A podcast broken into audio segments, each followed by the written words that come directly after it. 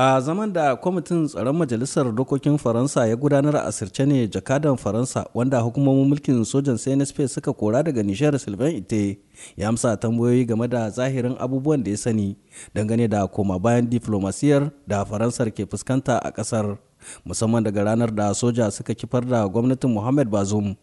Sylvain Ite ya jaddada zargin tsohon shugaban ƙasar Nijar Muhammadu Isuhu da hannu a juyin mulkin 26 ga watan Yuli. Dan jaridar ƙasa da ƙasa mazaunin faransa dr. Sadiq abba ya karanta rahoton zaman majalisar da sai a wannan makon ya bayyana fili. Ya ce lokacin da aka kai ma ambasar kwari shugaban ƙasar faransa shi emmanuel macron da kanshi ya kiraye tsohon shugaba ya ce ka tsaye da wannan abu. Ya ce minti goma bayan sun yi magana da shugaba isu sai salif modi da kanshi ya zo da gauga ya ce ma mutane su tsaye da abin da ake yi. Ya gwada cewa kaman tunda shi shugaban yana iya ce ma sojojin da suka yi juyin mulki ku ce a tsaida abu kuma a tsaida kenan tsakanin su akwai eh jakadar ƙasar faransa. Gaban majalisa ya fito ya zargi shugaba isu da cewa akwai hannun cikin juyin mulki lalle wannan abu babba ne. Sabani kan batun gudanar da harkokin man fetur a wani lokacin da ƙasar ke gab da soma fitar da shi zuwa kasuwannin duniya da maganar yaƙi da cin hanci wanda hamɓararriyar gwamnatin ta sa gaba na daga cikin dalilan da sylvain ite ya ayyana a matsayin mafarin wannan juyi.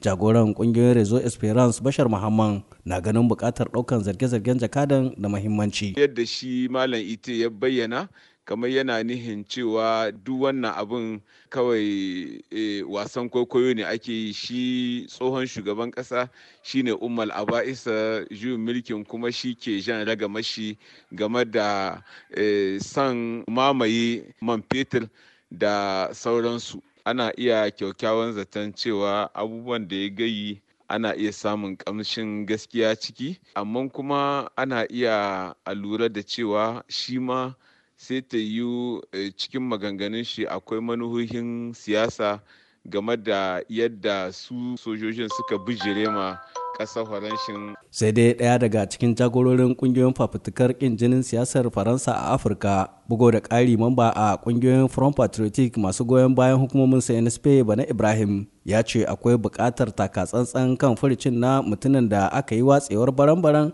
a tsakaninsa da mahukuntan niger ra'ayin shi ne ya ba da gaban majalisar dokokin faransa. To wannan abu ba hakika ba ne abin da yake gai gaskiya ne. Muna tuna ma mutane da sylvain ishe shi ya nuna kiyayya na niger. Kenan ba mutum ba ne da mu ya kamata abin da ya gayi ya ɗauki hankalinmu. Batuttukan da ya yi akwai wa'anda muna da tabbas cewa karya ce. Kamar lokacin da yake cewa 'yan nijar ba su kawo goyon bayan su ba da fifi ga cnsp bayan juyin mulki. Kuma akwai sauran maganganu da wannan hankali ma bai yarda da shi. Sake farfado da zargin hannun muhammadu isuhu wajen kifar da abokin tafiyarsa na shekaru sama da talatin. Na zuwa a wani lokacin da wasu rahotanni ke cewa tsohon shugaban ƙasar ta niger ya tafi ƙasar habasha a cikin daren laraba da nufin halartar taron zelekaf ko afcta sule mummuni barma muryar amurka daga yamai a jamhuriyar niger